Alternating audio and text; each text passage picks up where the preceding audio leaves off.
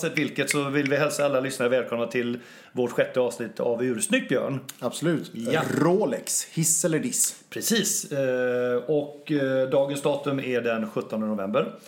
Eh, Och tittar man ut så är, står regnet som spön i backen. Så dagens avsnitt då, det hade du funderat lite grann på. Ja, men jag kände nog att eh, ska man göra en klockpodd så måste man nog ändå göra ett Rolex-avsnitt. Eh, Någonting, eh, det känns liksom inte rätt att bara inte göra det. Precis. Utan dels är det lite kul att lära sig för det Rolex är ju ett märke som varken du eller jag är så jätteinlästa på. Mm. Vi är inte sådär jätte...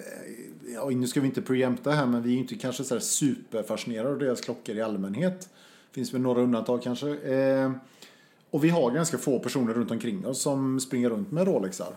Kan ju bero på att de är rätt så dyra. Ja, det kan det vara. Men jag menar, Mm. vi har väl ändå några. Vi umgås ju delvis med personer som har hyfsade inkomster. Så att det är väl inte bara det. Nej, nej. Men, eh, men eh, nej, det, det är väldigt få. Det är lite Rolexar. Och därför är det kul att liksom lära sig lite mer om detta. Tänker jag. Precis. Det ska bli spännande att ta den här resan och vi kommer också en liten disclaimer som vi vill säga också att vi kommer ju både hissa men jag tror vi kommer dissa ett antal av de här modellerna för vi kanske inte tycker de är så snygga.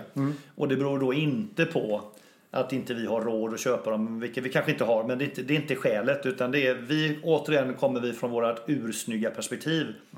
Det, är- alltså vi, vill, vi vill tala om vilka klockor vi tycker om och som vi gillar att ha på oss och hur, om de är snygga eller inte. Och är de inte det, då spelar det ingen roll om de kostar en krona eller tre miljoner. Exakt. Bra sagt. Mm, och sen ska vi också, en annan disclaimer är att vi kommer inte prata om massa referensnummer här för er som gillar sånt. Eh, och vi kommer inte heller liksom ha ambitionen att vara fullständiga här.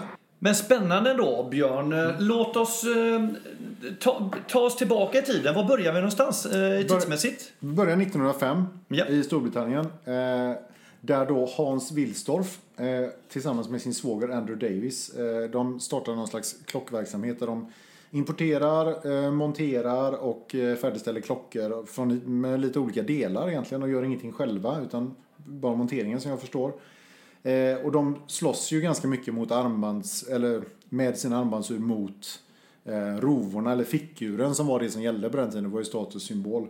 Var, var det där, kommer du vet du det om det det den tiden var, fanns armbandsuret ens eller var detta ett av de första eller? Inte- det, det började väl i den Det började ju precis där. Ja, va? ja, i, i samband, de slog väl igenom på bred front efter första världskriget. Så eller, var det, ja, första världskriget. Ja. När de gjorde om eh, fickur så att de skulle kunna ha dem på, på handlederna i skyttegravarna. Just det, det var där det hela egentligen armbandsuret började, fick sin riktiga renässans. Ja, precis. Nej, och sen så, så eftersom då eh, eh, bolagsskatten tydligen var så hög i Storbritannien på den tiden så flyttade de hela verksamheten till, till Schweiz 1915 och sen 1919 så hamnade de i Genève och det är där de finns fortfarande idag då. Och eh, lite kul att veta är också det att Rolex som namn dök upp först 1908. Och det, det är ju ett jäkligt bra företagsnamn får vi ju säga. Och eh, produktnamn. Ja, produktnamn, Mm, logga eh, med den här kronan och alltså den dyraste brandingbyrån som finns i världen idag hade inte kunnat få fram ett bättre namn för hur många miljoner du än slängde på dem liksom. Och ett namn som också går att uttala i princip i alla nationer på ett, Ja. på ett bra sätt. Liksom. Och även om inte vi hade, jag tycker själv så här, nu kanske man är färgad för att man har Rolex-klockan i huvudet, men ordet Rolex skulle ju lätt kunna vara exklusivt även i något annat sammanhang. Ja, precis. Det utstrålar lite exklusivitet. Frågan är ju vad, vad som är hönan och ägget. Men jag tror ändå att eh, ja, men det känns exklusivt. Det är klart, det är ju det här med Rex, kung och så den här kronan. Och roll. Alltså det, ja, ja, men det, det ligger väldigt bra i munnen. Och det finns ju lite olika stories om hur han kom på det här. Och Hans Wilsdorf. Och, och en av dem är att han då påstår att det här, namn, det här namnet låter som det gör när du vrider upp urverket på en klocka. Rolex. Rolex kan man tänka på nästa gång man vrider upp en klocka. Kan man tänka på även om det är lite svårt att få till exet tycker Ja, jag. det är lite långsökt. Jag kan hålla med om det. Men och, och, enligt honom själv då så var det mer att han satt och lekte och lekte med bokstäver och kastade runt och, och testade en massa olika varianter och sen helt plötsligt bara så kom han på Rolex. Ja, ja. Och så fastnade han för det. Ja. Det gjorde han helt rätt i. Ja, Fantastiskt. Jag är extra glad att han just flyttade sin verksamhet till Schweiz. För, för eh, vet du vad medborgarna i Schweiz kallas, eh, kallas eh, i vanliga fall? Eh, nej. Urinvånare. Ja. Mm. De har ju rätt mycket klockindustri där som jag tänker jag. Så att det, det, det är väl... Det här är Anders eh, sätt då att eh, liksom skoja till det här avsnittet för att Ja, det det- inte ska bli för torrt och Ja, för, för, för Björn är oerhört seriös. Ni, ni ska se hans, hans, eh, hans blick i det här. Liksom. Han, han har laddat för det här nu i flera veckor. Så att nu, nu kommer allting ut på en gång. Så att jag försöker på något sätt avdramatisera det här. För det, Mm. vi vill ju, hur den är så vill vi att det ska vara lite kul att lyssna på oss också. Ja. Eh, vilket det är. Det är alltid kul att lyssna på Björn. Eh, Ja, tack Anders. ja, tack, Detsamma. tack Björn.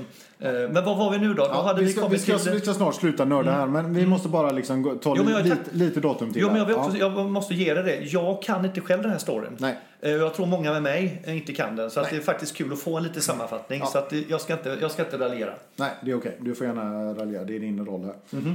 Eh, 1926 kommer en, en, en riktigt stor grej och då eh, skapade Rolex Oyster-boetten då. Och vad, vad som innebär, det hör man nästan på namnet Oyster, betyder ostron då. Japp. Den fick det namnet av att den är lika svår att, att komma in i som det är att öppna ett verkligt ostron då. Och det betyder att det är en skruvad bakboett som är i, vatt, i princip vattentät eller har väldigt bra vattenresistens och också en skruvad krona. Vilket gör då att klockan går att använda i vatten. Aha. Och för att bevisa detta, så marknadsföringsgeni som Hans Wilsdorf ändå var, så satte de alltså klockan på en, eh, en, eh, en brittisk simmerska som hette Mercedes Gletz, Gleitze. Det, det, det, det är ju jättespännande. Nu kommer in ett bilmärke i det här också. Ja. Fast det var ju inte meningen. Nej, det var inte meningen. Hette Nej, Mercedes ja, alltså? hon hette Mercedes. ja, precis. okej. Och hon simmade då med en eh, Rolex eh, Oyster på eh, handleden. Eh, Okej. Tio timmar tvärs över Engelska kanalen. Och så hoppade hon upp på andra sidan och klockan tickade och gick som aldrig förr. Och det var ju perfekt PR. Det, det roliga, jag måste säga återigen till min okunskap då. Jag trodde Oyster var mer ett, ett så att säga, designuttryck då. Ja, Eh, Men det är just det att den är så pass svår, Tät. svår och tät liksom som, som ett ostron. Exakt. Det är ju ganska häftigt faktiskt. Ja, så det, det är coolt. Och det namnet hänger ju med fortfarande idag då, i deras modell, modellbeteckningar. Och det här blev ju lite grann också, det här blev lite grann starten på deras, ja men man kan väl kalla det idag för liksom så här testimonials marknadsföring. Det vill säga de kom på det att om vi har massa folk som är berömda och coola och har en cool image som gör coola grejer med våra klockor. Ja. Då får klockorna också en cool image. Och därför har de också till exempel de det var någon som flög, flög över Mount Everest eh, första gången. Han hade en, en Rolex Oyster-klocka på armen. Eh, när eh, Sir Edmund Hillary och Tenzing Norgay var de första att bestiga Mount Everest eh, 1957 var det väl va? Så hade de eh, en Rolex Explorer på armen till exempel. Även om det inte hette det då så var det den Nej, som blev det sen. Så de har ju hela tiden jobbat på det här liksom att ha, ha rätt personer, rätt, eh, synas i rätt sammanhang. Och det har ju funkat jävligt bra. För Det de, funkar de har ju stärkt sitt varumärke otroligt mycket. Så att, eh, Det nej, de, är, det- de det- är duktiga på det. Det jag tänker närmast på i min lilla begränsade värld då är, är ju Wimbledon. Ja. Eh, där, där man ser Rolex eh, på alla tennisbanor, alla center courts och dylikt. Och sen väljer de ju sina, sina, sina personer då som de sponsrar väldigt noggrant. Jag kan Mm, tänka mig, om vi bara tänker tennisspelare då. Vem är sponsrad av Rolex? Är det Rafael Nadal eller är det, eller är det Roger Federer, tror du? Ja, jag skulle ju säga Federer då, men det, Klockrent. Mm, det var så eller? Ja, Ja, klockrent till och med. Ja, Ja, precis. med. Och varför då egentligen? Nej, men, givet? men vem av de två känns mest Rolex-lik liksom? Det är helt klart Federer. Han utstrålar liksom lugn, elegans, Mm, Eh, sport, sportsmanship. Eh, eh, liksom, nej, men han, han, för mig är han ju den perfekta eh, Rolex-förebilden. Det hade varit väldigt kul att ta samma fundering då och se vem skulle vi då eh, eh, sätta på John McEnroe? inte, inte Rolex. Nej, men det får Men, nog bli eller hur? Ja. här- det, nej, det får bli något mycket mer rebelliskt Jag, jag tänker mer på tänker. Casio och G-Shock som tål att kasta liksom racketar och klockor i marken. Ja, precis lite så. Ja. Eh, och man kan ju fråga sig till exempel Tudor, varför valde de David Beckham som eh, Ja, nej men därför att han är ju lite så här, ja men lite cool, tatueringar, en stilikon, ungdomlig, modern. Eh, lite som metrosexual. Eh, så, så man förstår ju hur de tänker ganska ofta. absolut, Men jag tycker just med absolut. Rolex så är det lite roligt. Och att de började så tidigt med det också. Ja. Precis. Det är ju liksom som du sa, det är lite roligt. Det är nästan ro, extra roligt med Rolex. Roligt, roligt extra. Ja, ja. Ja, det Ja, kan vi klippa bort kanske. ordlekar då. Ja. Var kanske inte så kul den här gången, kände jag själv. Kan jag klippa bort det också eller så låter det vara kvar? Det vet vi inte. Vad är vi nu i storyn här då? Ja, men nu, nu, är vi, eh, nu är vi där någonstans med, eh, med eh, att de lanserar Datejusten och det hände då 1945. Och då är det alltså den första automatiska kronometern med datum i form av ett armbandsur. Sen tycker jag, sen kan vi börja släppa lite grann kronologin. Eh, Det behöver inte vara så noga med det men i generellt sett så kan man säga att en sak som är, gör att Rolex, Rolex-uren är oftast de som går för mest pengar på auktioner. Ja. Eh, Det är väldigt vanligt att samla på Rolex, eh, vilket ju dels är lite jobbigt för de är jävligt dyra. Men har man råd och lust så finns det väldigt mycket, de är tacksamma att samla på för det är väldigt mycket så här olika varianter, olika modellnummer som går att följa. Eh, det finns, finns mycket olika saker att nörda ner sig i med Rolex. Olika urverk, olika referenser och så vidare. Och så vidare. Så att det är väldigt populärt ur att samla på i, i klocksamlarkretsar. Man kan väl också lägga till, tänker jag också, om man, om man vill vara Alltså om man vill prata investeringssäkerhet och för hur den är när vi pratar klockor som kostar 50 000 uppåt eh, Så är det ju skönt att veta att, att man kanske kan få tillbaka en stor del av den slanten om man nu måste sälja sin klocka. Och då är väl Rolex ett av de mest, just idag ska jag säga, mest säkra klockmärken att investera i i förhållande till att du faktiskt vet att du har ett andrahandsvärde.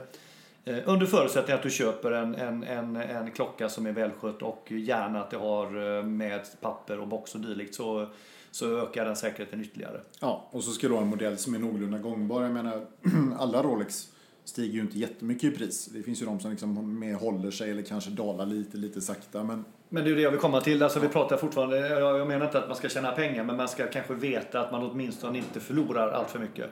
Och då ska jag säga att Rolex är, är väldigt, väldigt säkert. ja, nej, men så är det väl. Absolut. Ehm, eh, som exempel, alltså de, de har ju gjort en enorm... Rolex har ju som, som policy kan man säga att de höjer priserna med mellan 3 och 5 procent varje år. Så har de alltid gjort. Det är deras grej liksom. Eh, så de blir dyrare oavsett om de har ändrat dem eller inte. Sen är det också så att de sista åren har det varit en sjuk prisuppgång. Vi pratar ju liksom mellan 50-100 procent på 10 år på vissa modeller här. Eh, jag känner ju en kille som köpte en, en Rolex eh, Hulk i affär för ungefär 4-5 år sedan för 70, dryga 70. Den går ju för 130 idag liksom. Ja, jag har med sett dem för ännu mer och tror Ja. att du kan få det också. Ja. Men där pratar vi inte så mycket, där pratar vi väldigt mycket att det också blivit eh, en, en klockboom. Så, så det känns som att eh, det är kanske det även du och jag har ett litet bevis på. Eh, och det är kanske det man ser nu när man själv blir intresserad. Men jag upplever att det är ganska många personer som jag, som jag pratar med idag som, som, som jag märker är som har blivit intresserade av klockor. Och det såklart trissar ju upp andrahandspriserna. Och framförallt då på ett sånt märke som Rolex som de flesta är liksom ändå, det känner ju alla till. Eh, så återigen, det är en säker investering. Alltså det är många som kan tänka sig köpa en Rolex, alltså går prisen upp. Ja, jo men så är det ju. Och sen, eh, och sen ska man också komma ihåg när det, när det gäller Rolex att, att ehm, det är ju lite roligt just det här du säger att för de har ju gått upp så himla mycket i pris men det ju, har ju absolut inte hänt med alla klockor. Nej. Jag menar, det är ju många dyra märken som man ser som går begagnade idag. Där, ja, du är, liksom på fem år så är du glad om du får igen halva ny- nypriset och så. Så det är ju det är inget allmänt uppgång utan det är ju just, just för Rolex. Och de har ju väldigt, varit väldigt duktiga på att odla den här myten om sig själva också. Det, till exempel, du kan ju inte bara gå in och köpa en eh, Rolex Submariner över disk idag utan då ska du ställa dig på någon jävla väntelista kanske i flera år och du ska helst ha handlat där innan och det är ju helt absurt liksom. Men snacka om att skapa exklusivitet. Ja men det är ju det, de är ju superduktiga ja, du förstår ju själv hur du känner dig som kund. Ja, när när du väl- eh, ja. Mm. kommit fram med den här kön efter flera år och liksom välkommen in i, i våran krets. Ja, men, det- men, det, ja, men det, det känns ju väldigt bakvänt när man jobbar med försäljning liksom, och att inte de som vill köpa ska få köpa liksom. Precis. Eh, så att, nej, de, de är ju sjukt dukt, duktiga på det får man säga. Det, på tal om det där liksom, och att odla myten av sig själv. Mm. Eh, det finns ju en klocka som, som, eh, som anses vara ganska narcissistisk av sitt slag. Vet du vilken det är? Jag kommer något igen där. Nej, jag vet inte. Nej, det, den heter Watch Me. Va? Det förstod jag inte ens. Watch Me! Wow. Ja, okej. Nej, okej. Eh, Ja. Björn, han, han var lite trög. Han, han var väldigt inne i sin, eh, sin fakta, i sitt fakta Mm, jag är tror inne, inne i mitt eh, Asperger, eh, lilla, mitt lilla Asperger-rum här nu. Men har, har vi tagit oss igenom den historiska tillbakablicken avseende Rolex tycker du? Jag tror eller? lite grann vi har gjort det. Sen kan vi nämna lite årtal när modellerna, de så här stora kända modellerna kommer och sådär. Det tycker jag. Men, men historiskt så tycker jag nog att det kan räcka så. Och om vi då ska twista över den här diskussionen. Nej, du kände att det var något mer såg jag nu. Nej, nej jag ska bara din- säga det att... Dina att ögonbryn där. Nej, men generellt sett kan man säga också att Ner. Rolex är relativt konservativa. eh, Kan man Ja. säga. Det är sällan de gör såna här helt crazy grejer utan oftast är det så att man ändrar någon millimeter på storleken, man lanserar någon ny färg, man har någon ny vridring. Det byter urverk. Det är, ganska, det är ganska små förändringar man gör på klockorna generellt sett. Men Men har- säga, jämfört med andra klockmärken som kan göra liksom jättetvära girar både designmässigt och liksom funktionsmässigt och sådär. Men Rolex har ju liksom sin nisch och där håller de sig ganska... ganska Jo, antagligen så länge den är framgångsrik så Ja, tror jag att de ja, håller sig där. Men känns det inte som att, men det är väl i takt med allt att annat också har utvecklats fortare, att det känns som att de gör kanske ännu mer, eller oftare idag, uppgradering av sina modeller än vad de kanske gjorde för 10, 15, 20 år sedan. Eh, Men jag har inget belägg för det. Det är, det är den känsla jag har, men, men vi kanske inte egentligen kan svara på den frågan. Jag kan inte svara på Nej, det. nej, det jag är, jag, känner jag tror att det kan vara att man lurar sig själv för att vi inte visste någonting om Rolex då också. Så kan det vara. Ja. Ja, vi släpper den då. Ja, tror Låt det vara en, en, eh, en, en, eh, en tanke jag har Ja. som inte behöver vara bekräftad på något sätt. Nej, precis. Mm. Men, men, men innan vi går in på modellerna då. Mm. ehm, Ska, ska vi säga, alltså vad, vad tycker vi om Rolex? Rent spontant sådär. Skulle du vilja ha en Rolex? Ja, alltså det, ja, absolut. Jag skulle ha en Rolex. eh, För att? Ja, för, för att just det är Rolex. Och för att Bara det är liksom... att? Ja, men det, det, det finns... Jag, jag, jag inbillar mig i alla fall att den här känslan att bära ett ur som har den, den, den traditionen och den här... Eh, alltså det, det är ju ändå en, det, det blir ju väldigt mycket en exklusiv känsla. Ja. Och du har ju, hur den är, så skapar det en wow-faktor hos Mm. den som ser dig bära en Rolex. Även om du inte kanske, du, så gäller ju för mig också. Någon som har en Rolex, jag kanske inte tycker om den modellen i sig, eller per se som vi brukar säga. Mm. Men att det är en Rolex så gör det ändå att jag tycker att, ja Mm. ah, okej, gött, han eller hon är med i matchen. Så att ja, jag skulle ha en Rolex. Eh, Mitt stora bekymmer där är väl kanske tvådelat då. Det ena är att jag vill hitta en modell som jag faktiskt tycker om på riktigt. För att då kunna motivera det inköpet som det ändå är, för det är så pass mycket pengar. Eh, Så att jag letar ju febrilt efter en, eh, en, en, eh, jag ska säga att en lucka, men jag har en lucka i samlingen men jag vill liksom hitta någon som kan fylla den luckan då. Min Rolex-lucka. Hur ser det ut för dig idag? Har du liksom, vad, vad säger du om Rolex? Vill du ha en Rolex? Ja, det vill jag absolut ha. Mm. Eh, Men som du säger, inte till vilket pris som helst. Och jag tycker ju att det är många, jag skulle säga majoriteten av Rolex-klockor vill jag inte ha. De här, alltså, många av modellerna, vi kommer in på dem sen, tycker jag är, säger mig absolut ingenting. Jag tycker till och med några av dem är ganska fula. Eh, och en Submariner skulle jag aldrig köpa därför att det är ju en sån Ja, men det, det är också ganska kluvet. Samtidigt som du får en wow- wow-känsla av att någon har en Rolex så kan det, när, någon, när jag ser att någon har en Submariner. Det är liksom, vi har pratat om det innan att när du blir chef första gången då springer alla och köper en Omega Seamaster. Eh, för det är så här lagom liksom. Och, och liksom, är du nästa nivå chef då, eller liksom har kommit upp till ännu mer i karriären eller tjänar lite mer. Typ om en director eller så? Eh, typ, Ja. eh, exakt som vissa här i rummet är. Eh, så, men då, då, tror jag, då, då blir det så här, ja, men jag kan inte så mycket om klockor, jag tycker den är snygg, den är sportig, Submariner, den är klassisk, alla, liksom, alla vet vad det är. De- Den ger mig mycket status. Då, det blir lätt val att köpa en svart Submariner med eller utan datum då. Men, men nu, nu känns det som att då lägger du in en sån här värdering att det är lite, nästan lite svennebanan-Rolex. Eh, Ja, om man nu kan säga så. Mm, då. ja, då det kan det mm. återigen lite surt sa räven kanske. Kan det låta Nej, som. nej, nej. För jag, jag tycker också de är ganska snygga egentligen. Men jag tycker bara att de är så vanliga och står för någonting som jag inte riktigt tycker är så himla coolt. Liksom. Det finns det många andra Rolex som, som jag hajar till mycket mer för. Eh, än, än en Submariner. För mig så är det bara, ja visst, och den kostar liksom 80 000 ny kanske. Yes. Men, men det spelar egentligen ingen roll för att jag, så jävla fantastisk är den inte. Det är en dykarklocka som är Men, men kan det inte också, en, en aspekt som jag lägger in är också det att jag tycker att det finns ganska många alternativa eh, märken som har eh, dykare som är minst lika snygga som Ja. Submarine. Eh, Submarine. Exempelvis Tudor och Black Bay exempelvis Ja, då. snyggare. Och snyggare. Ja. Eh, och, och då är vi tillbaka till att vi vill ju ofta köpa en klocka som, som vi också tycker är snygg. Och då ska man då, nej jag håller med dig, då, då kanske man inte ska lägga så mycket pengar bara för att det är en Rolex. Nej. För det finns så många andra bra modeller. Återigen, jag säger det igen, vi har pratat om det innan. Mm. Mechanisch Veneziane som inte alls tävlar i samma kategori. Mm. Men en otroligt snygg dykarklocka. Mm. Eh, och tycker jag eh, matchar ut Submarine eh, lätt. Och sen ska man veta liksom, ja, kvalitetsmässigt så, ja visst du får en himla kvalitet med Rolex, det, det är klart får det. Men jag menar deras klockor är KOSK-certifierade minus, eh, minus 4 till plus 6 sekunder per dag. Ofta går de ännu bättre. Men eh, jag menar det, de flesta klockor när du lägger lite mer pengar gör ju det. Och det är inte så att Rolex har någon sån här outstanding, best in class eh, kvalitet som gör att du aldrig kommer behöva laga den du kommer aldrig behöva serva den eller liksom de är ju svindyra att både laga och serva om det skulle hända någonting och, och visst, de är bra men, men det är ju inte liksom det du betalar för i första hand. Nej. Sen har de vissa features och så som är, som är där de är svårslagna vad gäller armband, vad gäller låsmekanismer och såna grejer och de har såna glide lock eh, inställningar och Mhm. Det är nog mer än vad jag känner till. Ja, vi kan komma in på det sen. Ja. Men, men, eh, Så visst, de sticker ut i vissa avseenden, men, men man ska ju inte liksom... Man ska ju inte tro liksom att, att eh, Rolex, eh, att det är som liksom Mercedes eh, Dacia liksom.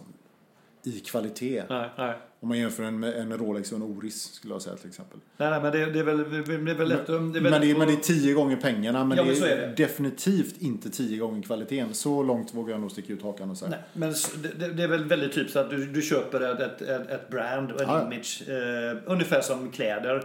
Ja. Hur, många av, av de kläderna vi köper eh, som, som har ett märke egentligen är ju inte så, säga, så mycket bättre Nej. i kvaliteten. Utan idag håller ju väldigt många kläder en väldigt, väldigt god kvalitet. Utan du köper ju någonting annat. Du köper, det står för någonting och Ja. du vet att det finns någon form av eh, det kan vara en design som du gillar eller någon kvalitet. Men framförallt köper du en känsla. Ja, så är det. Mm. Men nu har vi pratat i 22 minuter. Frågan är, ska, vi, ska vi klippa här och gå in på modellerna nästa gång? ja, jag, jag tror att vi... Jag, jag, jag, jag tror Vi att, kör två lite tätare avsnitt den här gången Ja, jag tror att vi gör så. Jag tror, vi, vi, vi liksom inte... Vi kan släppa dem samtidigt. De här avsnitten. Ja, oj, del 1 och del 2 liksom. Ja, ja, nej men vi, Mm. vi, alltså, vi skulle mycket väl kunna... Vi skulle kunna sto- stoppa och liksom eh, göra en cliffhanger. Ja, det tycker jag att vi gör. Så får Mm. vi se. Eh, kanske kommer det ett eh, avsnitt till, finns på plats redan när detta kommer. Eller så kommer det ett lite senare. Det får vi Ja, se. vi får se, Och men- Mm. då kommer vi gå igenom Rolex modellutbud med hiss eller diss. Får vi säga. Hittills har vi ju mest pratat om märket hiss eller diss. Ja. Nu blir det liksom modellerna nästa gång. Nästa, så jag tror vi ska döpa om just det här avsnittet till någonting annat. Det är liksom Rolex. Detta är ju mer en historiebetraktelse vi gjorde idag tycker jag. Ja, okej. Mm. Men, men vi kan ju suga på det. Vi har ju inte... Fast jag tycker det är mer säljande att ha hiss eller diss. För undrar jag, åh herregud, kan de dissa Rolex? Det kan de inte, de är inte kloka. Nej, du tänker så. Det kan bli lite grann av en snackis, en eh, virtuell snackis Ja, kanske. det är ju häftigt alltså. Då kanske vi kommer upp i 20, alltså kanske 30 lyssnare istället för 20. Inte omöjligt. Inte omöjligt. Nej, det är ett clickbait. ja, precis. Ja, precis. Ja, ja, men det blir väl jättebra det här Björn. Eh, Låt oss, eh, låt oss researcha lite mer då och så fortsätter vi med Rolex-resan snart igen. Så gör vi. Mm, until next time. Tack för idag. Tack för idag. Ha det Hej, hej. jättegott. hej. hej.